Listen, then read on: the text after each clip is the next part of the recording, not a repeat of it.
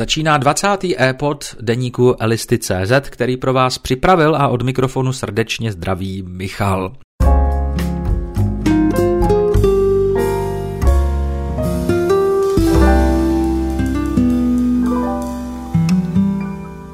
Páni a dámové, je mi potěšením vás přivítat u dalšího dílu, který jsem nazval Pojďme se společně bát. Vy už asi tušíte, proč eh, se tenhle díl jmenuje zrovna takto.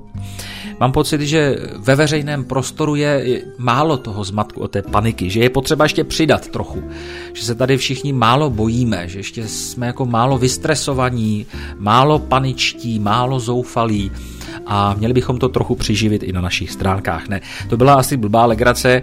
Eh, v každém případě eh, je potřeba z mé strany říci několik vlastních zkušeností nebo alespoň jednu zkušenost, kterou mám ze zaměstnání v souvislosti s tou kauzou koronavir, nebo chcete-li COVID-19. Já nejsem žádný odborník na názvy a už vůbec ne na viry, ale mám takovou potřebu o něco se s vámi podělit. Tak za prvé, Informace hned úvodem.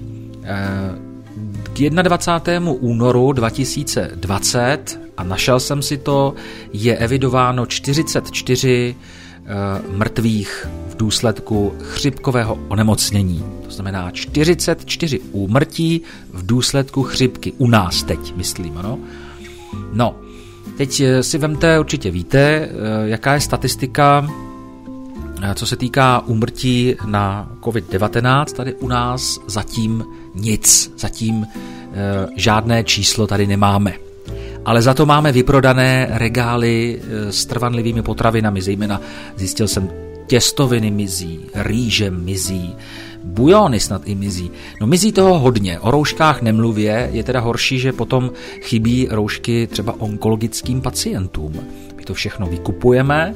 Eh, bohužel eh, zmatení, pomatení bych dokonce eh, dovolil tvrdit, seniori na internetu neví, co dřív vykoupit, čeho, co, co dřív prostě mít. To nejsou asi jenom seniori, já bych nechtěl urazit mladší, mladší zákazníky, kteří také mají jistě už teď nějaké své zásoby toho, co nezbytně při nejmenším na příštích pět let budu potřebovat protože to nikdy nevíte, co přijde po koronaviru, co se tady objeví za další nákazu, nevíte, jak to dopadne. Je dobré si dělat ty zásoby alespoň na těch eh, pět let. Nám dělá dobře, když se můžeme bát, když se společně můžeme bát. Mám takový pocit, že to je jakási taková zvláštní přirozenost lidská, když se jako bojíme v kolektivu nebo kolektivně, když zažíváme ten strach, když je strach vyvolán, podporován, to je pro nás hrozně jako e, důležitá emoce. O samotě se člověk jako může bát sice také, ale už z toho nemá takové drama, takový požitek podle mě, jako když se bojí e, v nějakém větším uskupení. A teď já už budu končit, protože myslím, že víc není potřeba říct, jenom zapamatujte si to číslo, jo? 44 úmrtí na chřipkové onemocnění. To je podle mě důležité. A kde se o tom mluví v médiích? Jak často se opakuje tahle ta skutečnost? Jak často ty statistiky v souvislosti třeba s jinými druhy onemocněními, které tady máme mnohem delší dobu než koronavir, tak jak často se to v těch médiích dává do souvislosti? Já bohužel myslím, že moc ne.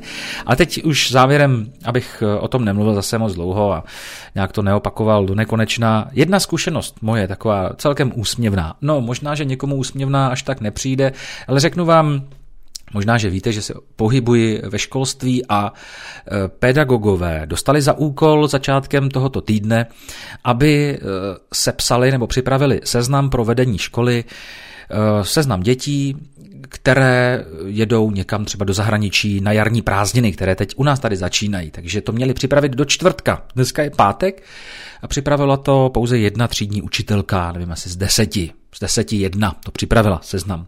Takhle důležitý seznam. No a přesně tady z toho přístupu je podle mě zřejmé, jak velká je ta potřeba se kolektivně bát. My jsme jako ochotní a schopní proto udělat prakticky cokoliv. Třeba i přestat plnit nějaké důležité pracovní povinnosti, které pro, po nás chce vedení školy, abychom teda e, třeba uklidnili ostatní kolegy nebo případně i rodiče, kteří by se mohli ptát, tak co v té třídě, kolik se jich tam vrací z té Itálie, kolik?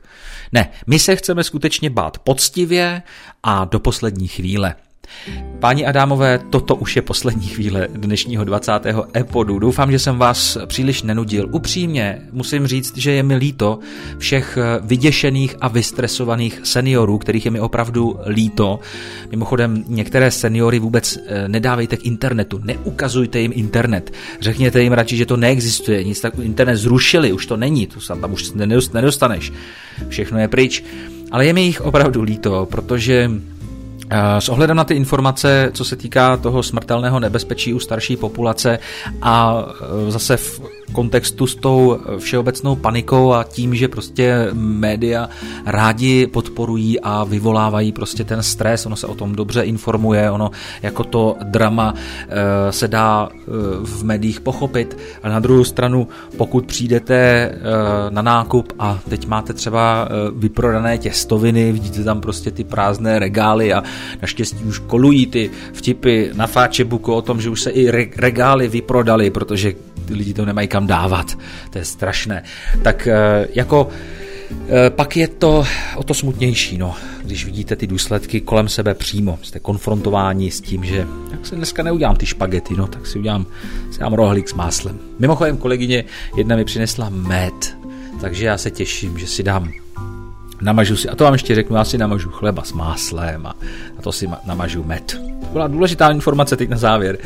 Díky za pozornost, třeba se v březnu ještě někdy uslyšíme.